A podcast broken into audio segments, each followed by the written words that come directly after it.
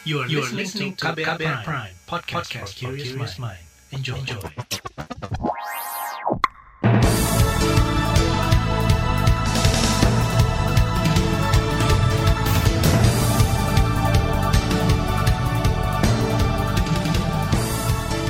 Inilah buletin pagi edisi hari ini 4 Februari 2021. Saya Reski Mesanto.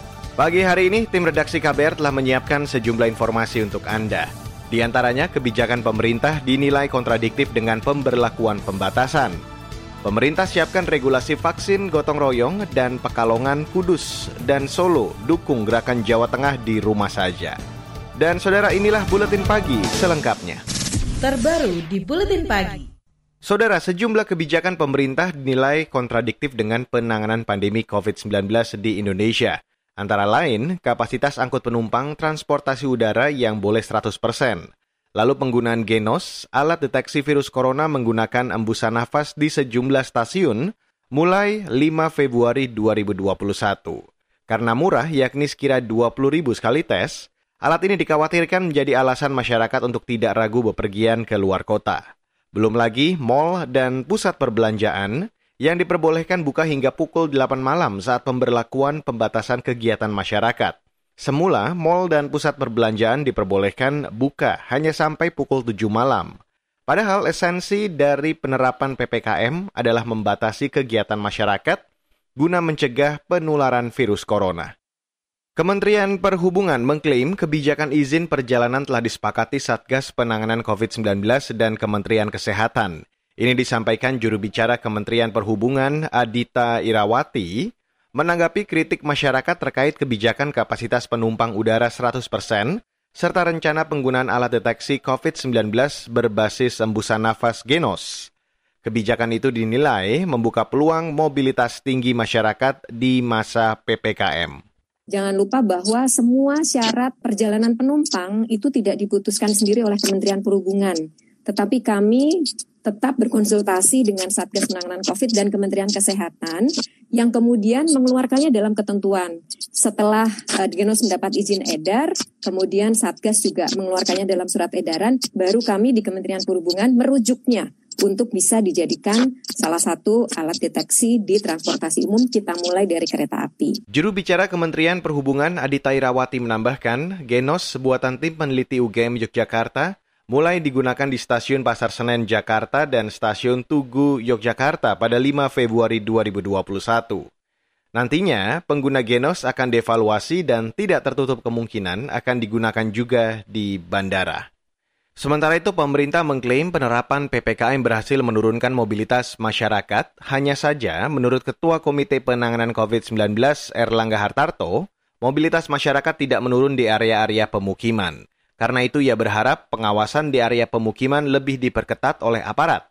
Satpol PP juga bisa melibatkan para pengurus RT dan RW setempat untuk penegakan aturan PPKM di pemukiman terlihat beberapa provinsi mengalami perbaikan, yaitu Jakarta, Jawa Tengah, Yogyakarta, dan dari 98 itu juga 63 kabupaten kota masih merah. Ini penurunan dari 92, kemudian dari kabupaten kota dari 363 ke 332, kemudian ada beberapa yang uh, tetap secara nasional. Nah, kemudian mobilitas penduduk mengalami penurunan di berbagai sektor dan tentunya yang masih mobilitasnya masih tinggi itu, itu adalah tempat kerja maupun area pemukiman. Itu tadi Ketua Komite Penanganan COVID-19 Erlangga Hartarto. Saudara, PPKM diberlakukan mulai 11 Januari hingga 8 Februari 2021 di tujuh provinsi di Jawa dan Bali. Penerapan di wilayah itu dilakukan karena menyumbang 60 hingga 70 persen kasus nasional. Saudara juru bicara Satgas Penanganan COVID-19 Wiku Adhisa mengatakan, pemerintah akan segera membuat pos-pos komando di daerah. Posko itu akan melibatkan banyak kalangan untuk menertibkan masyarakat yang masih melakukan mobilitas tinggi di sekitarnya. Juga diperkuat dengan strategi baru yang dicanangkan oleh Satgas Penanganan COVID-19 yaitu posko atau pos komando yang akan tersebar secara nasional di tingkat desa dan kelurahan yang dipimpin oleh kepala desa atau lurah dan posko ini beranggotakan satgas dari unsur pemerintah daerah, TNI, Polri, tokoh masyarakat, tokoh agama, serta pihak lainnya. Juru bicara Satgas Penanganan COVID-19 Wikwa Disasmito menambahkan, pos-pos komando juga diharapkan mendorong perubahan kebiasaan baru masyarakat sekaligus sebagai pusat kendali informasi dan pelaksana pengetesan, pelacakan, dan penanganan 3T di lingkup terkecil masyarakat. Saudara ahli kesehatan masyarakat Indonesia atau IAKMI meragukan keseriusan pemerintah melaksanakan PPKM tahap kedua di sebagian Pulau Jawa dan Bali. Ketua Satgas Penanganan COVID-19 dari IAKMI, Budi Haryanto beralasan, keraguan itu muncul lantaran kebijakan pemerintah kontradiktif dengan penanganan pandemi COVID-19. Misalnya, aturan PPKM yang justru menolerir jam buka mal dan pusat perbelanjaan dari pukul 7 malam menjadi pukul 8 malam bisa mendesak kepada pemerintah ya kita kan sering berkali-kali juga melakukan press conference dan sebagainya untuk menyampaikan pemikiran kita kepada pemerintah bahwa ya kalau mau menurunkan penularannya ya lakukan buat sepi di jalan, buat sepi interaksi antara satu orang dengan orang lain pembatasan pergerakan kegiatan masyarakat. Artinya sudah jelas ya, akan menjadi sepi di jalanan gitu, akan menjadi sepi di tempat-tempat kerja, akan menjadi sepi di tempat-tempat umum kan seperti itu. Nah, tapi kenyataannya kok masih ramai saja di jalan. Ketua Satgas Penanganan COVID-19 di IAKMI, Budi Haryanto mengatakan, semua aturan kontradiktif itu mengakibatkan kegagalan pelaksanaan PPKM sebab tidak bisa membatasi mobilitas masyarakat apalagi mengurangi jumlah kasus COVID-19. Kemarin, angka positif virus corona di Indonesia bertambah lebih dari 11.000 kasus.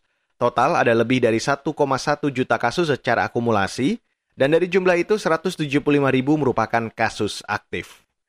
Saudara pemerintah siapkan regulasi vaksin gotong royong. Informasi selengkapnya akan kami hadirkan sesaat lagi. Tetaplah di Buletin Pagi KBR. You're listening to KBR Pride, podcast for curious mind. Enjoy!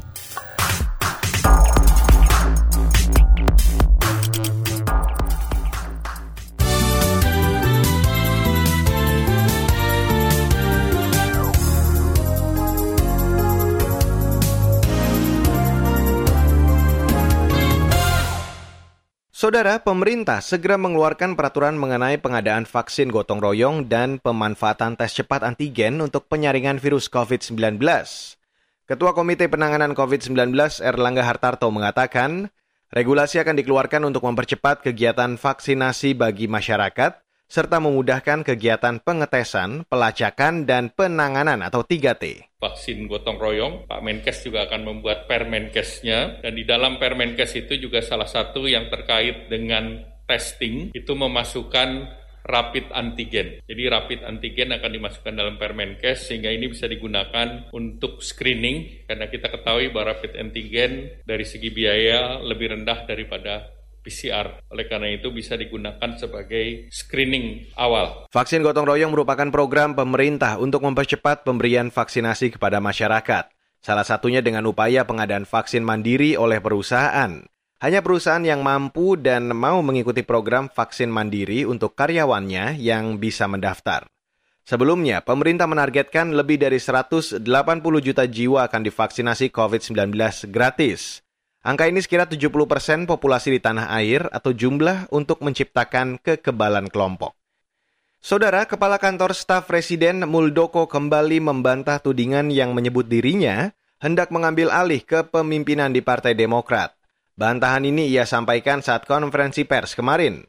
Namun ia mengakui ada beberapa pertemuan dengan sejumlah anggota Partai Demokrat, termasuk pertemuan yang dilangsungkan di kediamannya dan sejumlah tempat lain. Ia menegaskan tidak punya urusan dengan Partai Demokrat dan tak pernah mengemis jabatan. Kayak dagelan aja gitu lah. Kayak lucu-lucuan. Modoko mau kudeta. Ya, kudeta apa nih di kudeta? Anggaplah begini ya. Saya punya pasukan bersenjata nih.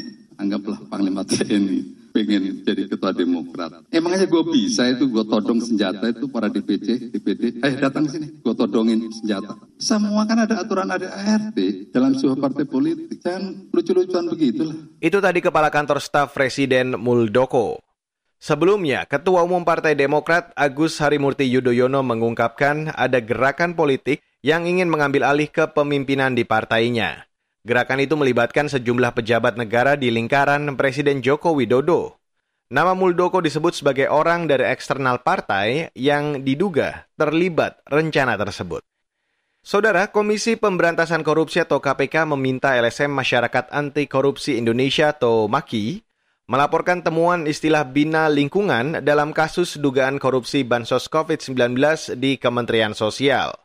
Juru bicara KPK, Ali Fikri, mengatakan, laporan oleh Maki itu harus disertai barang bukti agar menguatkan temuan istilah bina lingkungan tersebut. Yang disampaikan oleh Mas Boyamin Saiman itu bukan sekedar informasi, namun disertai dengan data awal yang kemudian bisa dikonfirmasi kepada pihak-pihak lain karena untuk menjadi, menjadi fakta hukum dalam proses perkara tentu kan harus berdasarkan alat bukti menurut hukum.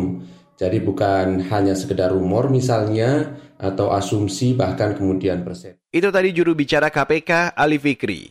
Sebelumnya, Koordinator Maki, Boyamin Saiman menduga istilah bina lingkungan digunakan untuk menyebut perusahaan yang kerap mendapatkan jatah pengadaan bansos COVID-19 di Kementerian Sosial. Boyamin menyatakan jika dugaannya benar, maka praktek penunjukan perusahaan dalam pengadaan paket sembako terjadi tanpa dasar kompetensi dan pengalaman. Hal ini menyebabkan penurunan kualitas dan harga, serta merugikan masyarakat. Beralih ke informasi ekonomi, Saudara, Kementerian Sosial menyalurkan dana bantuan sosial tunai atau BST bagi masyarakat terdampak pandemi COVID-19 hingga April nanti. Staf ahli Menteri Sosial Sony W. Manalu mengatakan, belum bisa memastikan apakah program BST akan terus dilanjutkan sesudah April.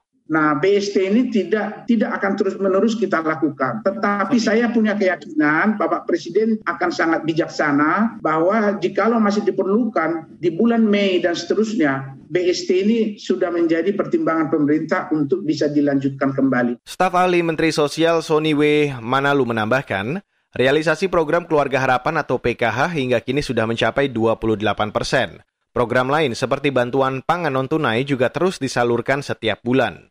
Sebelumnya, pemerintah meluncurkan tiga bantuan sosial tunai se-Indonesia, yaitu program Keluarga Harapan atau PKH, program sembako, dan bantuan sosial tunai. Penyaluran bansos sudah dimulai 4 Januari lalu. Pemerintah menyiapkan anggaran bansos sebesar 110 triliun rupiah pada tahun ini. Beralih ke berita mancanegara, saudara, ratusan tenaga medis di Myanmar mogok kerja kemarin. Aksi itu sebagai bentuk protes atas kudeta pemerintahan yang dilakukan militer. Mereka terdiri dari dokter, perawat, maupun staf dari 70-an rumah sakit dan instansi kesehatan yang tersebar di 30 kota di Myanmar. Dalam pernyataannya, kelompok tenaga medis itu menegaskan melakukan gerakan pembangkangan sipil. Menurut para demonstran tenaga medis, militer Myanmar mengabaikan upaya penanganan COVID-19 demi mencapai kepentingan kelompok sendiri. Mereka menyatakan menolak segala perintah dari rezim militer yang tidak sah yang tidak punya simpati terhadap para pasien COVID-19 dari masyarakat miskin. Para tenaga medis tidak tahu sampai kapan akan melakukan aksi mogok kerja. Awal pekan ini, junta militer Myanmar menggulingkan kekuasaan sipil. Banyak pejabat pemerintahan ditahan, termasuk penasihat negara Aung San Suu Kyi dan Presiden Myanmar Win Min. Beralih ke berita olahraga, Saudara, Polri menyatakan kompetisi Liga 1 dan Liga 2 Indonesia kemungkinan bisa dilaksanakan pada tahun ini. Kepala Bidang Kerjasama Baintelkam Polri, Budi Sajidin, kemarin mengatakan pertimbangan pelaksanaan Liga Sepak Bola sedang dilakukan.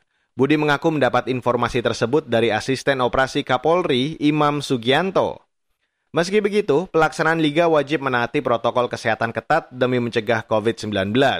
Selain itu, Polri juga mempertimbangkan pertandingan sepak bola dilakukan tanpa kehadiran penonton secara langsung di stadion.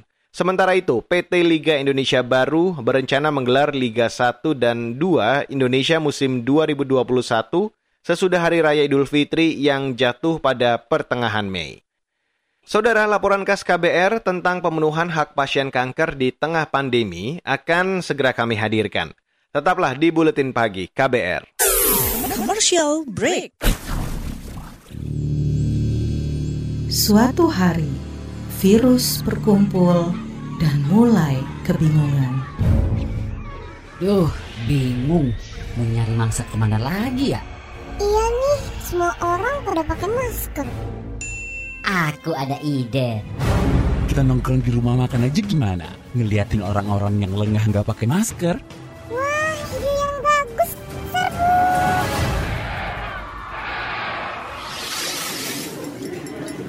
Hati-hati makan bersama saat pandemi. Sebaiknya pilih ruang terbuka, tetap jaga jarak kamu 1,5 meter jika duduk bersebelahan, 2 meter jika berhadapan. Batasi waktu makan bersama 30 menit saja dan jangan berbicara saat makan. Jika sudah selesai, gunakan kembali maskermu ya.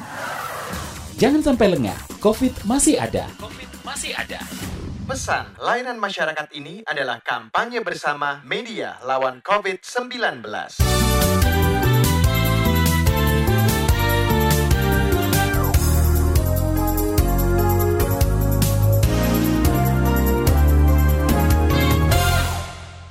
Saudara, Anda masih bergabung bersama kami di Buletin Pagi edisi 4 Februari 2021 dan sekarang saatnya saya mengajak Anda untuk mendengarkan laporan khas KBR.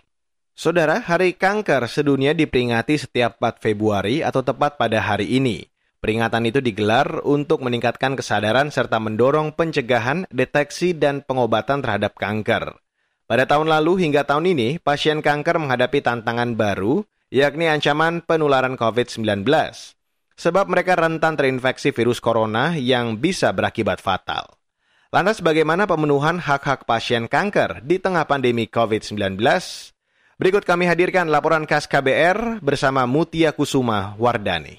Perhimpunan Dokter Hematologi Onkologi Medik Penyakit Dalam Indonesia Perhompedin Yogyakarta mengungkap, pasien kanker yang terinfeksi virus COVID-19 cenderung mengalami sakit yang lebih berat. Gejalanya bahkan tidak jelas. Menurut Ketua Perhompedin Yogyakarta, Johan Kurnianda, resiko fatal bisa lebih tinggi terhadap pasien kanker yang terinfeksi virus COVID-19. Risiko mereka itu adalah sedangkan untuk dirawat di ICU juga demikian, tetapi resiko untuk timbulnya mortalitas itu bisa 12 kali lipat. Sehingga oleh karena itu penderita dengan komorbid-komorbid ini Yes, uh, termasuk di antaranya penderita adalah penderita yang resikonya sangat tinggi untuk mengalami COVID dan mengalami COVID berat sampai berpotensi fatal. Selain kanker, ada tiga penyakit penyerta atau komorbid lainnya yang harus diwaspadai, yaitu asma, darah tinggi, dan diabetes.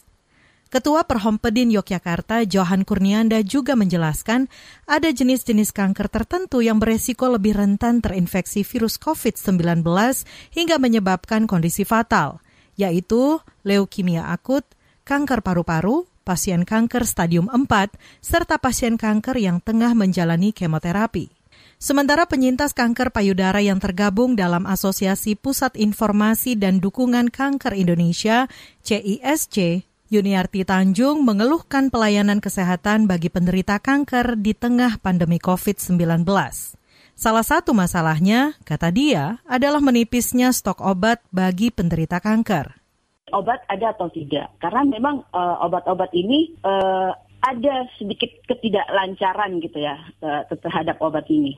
Dan juga yang uh, paling penting adalah kalau kami memberanikan diri ke rumah sakit, di perjalanan kan juga bikin was-was. Kan tidak semua dari uh, kami ini adalah uh, mempunyai kemampuan ekonomi yang cukup baik. Jadi mau nggak mau misalnya harus uh, naik kendaraan umum. Penyintas kanker Yuniarti Tanjung mengatakan menipisnya stok obat pasien kanker payudara mengakibatkan pasien harus beralih ke obat lain yang disebut masih golongan yang sama. Pasalnya, kata Yuniarti, obat pengganti itu lebih mahal dari obat yang biasa ia konsumsi. Mahalnya obat sangat membebani pasien kanker, terutama yang memiliki keterbatasan ekonomi. Selain kendala tadi, kendala lainnya adalah ada dokter yang menangani pasien kanker terinfeksi virus COVID-19. Akibatnya, praktek dokter tersebut harus tutup, sehingga banyak pasien kanker yang menumpuk karena tidak terlayani. Kondisi tingginya resiko pasien kanker tertular virus COVID-19 bahkan hingga menyebabkan terenggutnya jiwa, belum mampu diantisipasi dengan pemberian vaksin. Direktur Jenderal Pencegahan dan Pengendalian Penyakit Dirjen P2P Kementerian Kesehatan, Ahmad Yuryanto beralasan, belum ada vaksin yang teruji klinis pada fase 3 dengan subjek yang heterogen, termasuk warga dengan penyakit penyerta. Tahu untuk produk Sinovac, Sinovac pun juga sama, CanSino juga sama. Ternyata vaksinasi ini hanya dilakukan pada kelompok usia 18 sampai 59 tahun. Maka kelompok inilah yang akan kita vaksin dan di dalam uji klinisnya juga disebutkan di kelompok itu tidak boleh ada yang berpenyakit komorbid berat Ahmad Yuryanto menegaskan, kendati vaksinasi tahap awal diperuntukkan bagi warga kelompok 18 hingga 59 tahun dan tidak memiliki penyakit berat, bukan berarti pemerintah mengabaikan kelompok yang tidak memenuhi syarat tersebut. Pemerintah bersama ilmuwan dunia, kata dia, berkomitmen meneliti vaksin COVID-19 untuk kelompok anak-anak, lansia, dan warga yang mempunyai penyakit penyerta. Kemenkes juga menyebut pasien kanker harus terus diobati dan ditangani secara tepat di fasilitas pelayanan kesehatan. Demikian laporan khas KBR, saya Aika Renata. Saudara, informasi dari daerah akan kami hadirkan sesaat lagi. Tetaplah di Buletin Pagi. You're listening to KBR Pride, podcast for curious mind. Enjoy!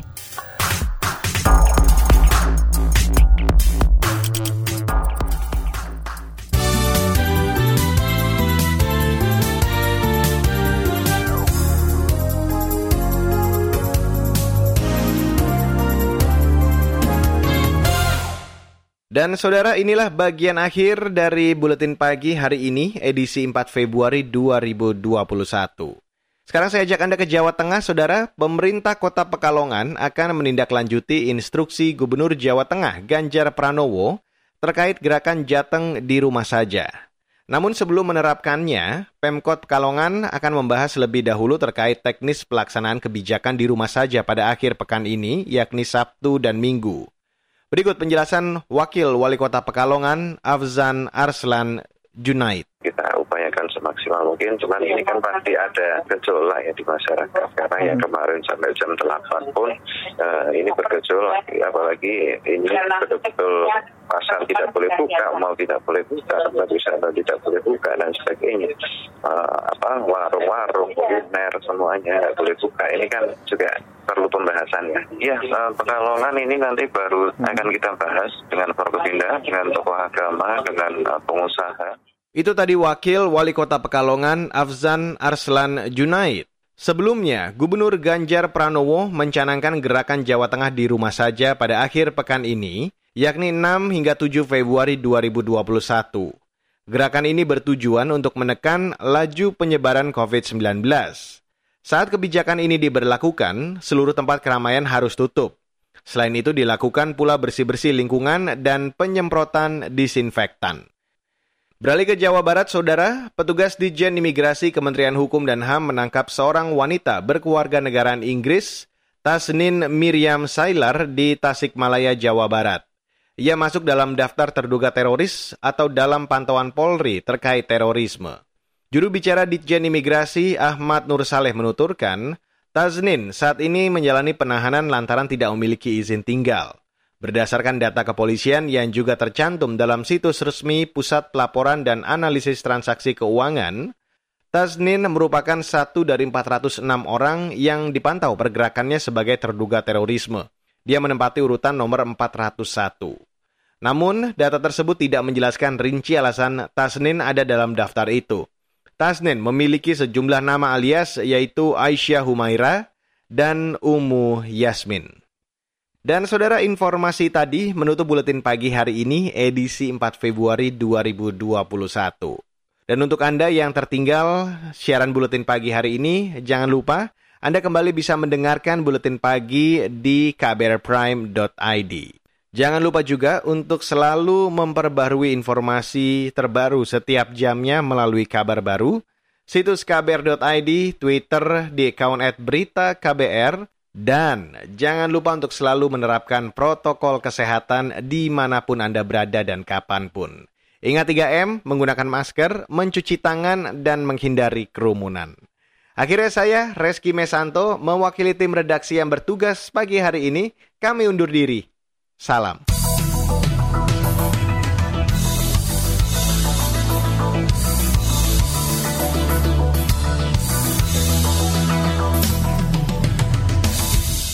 KBR Prime, cara asik mendengar berita.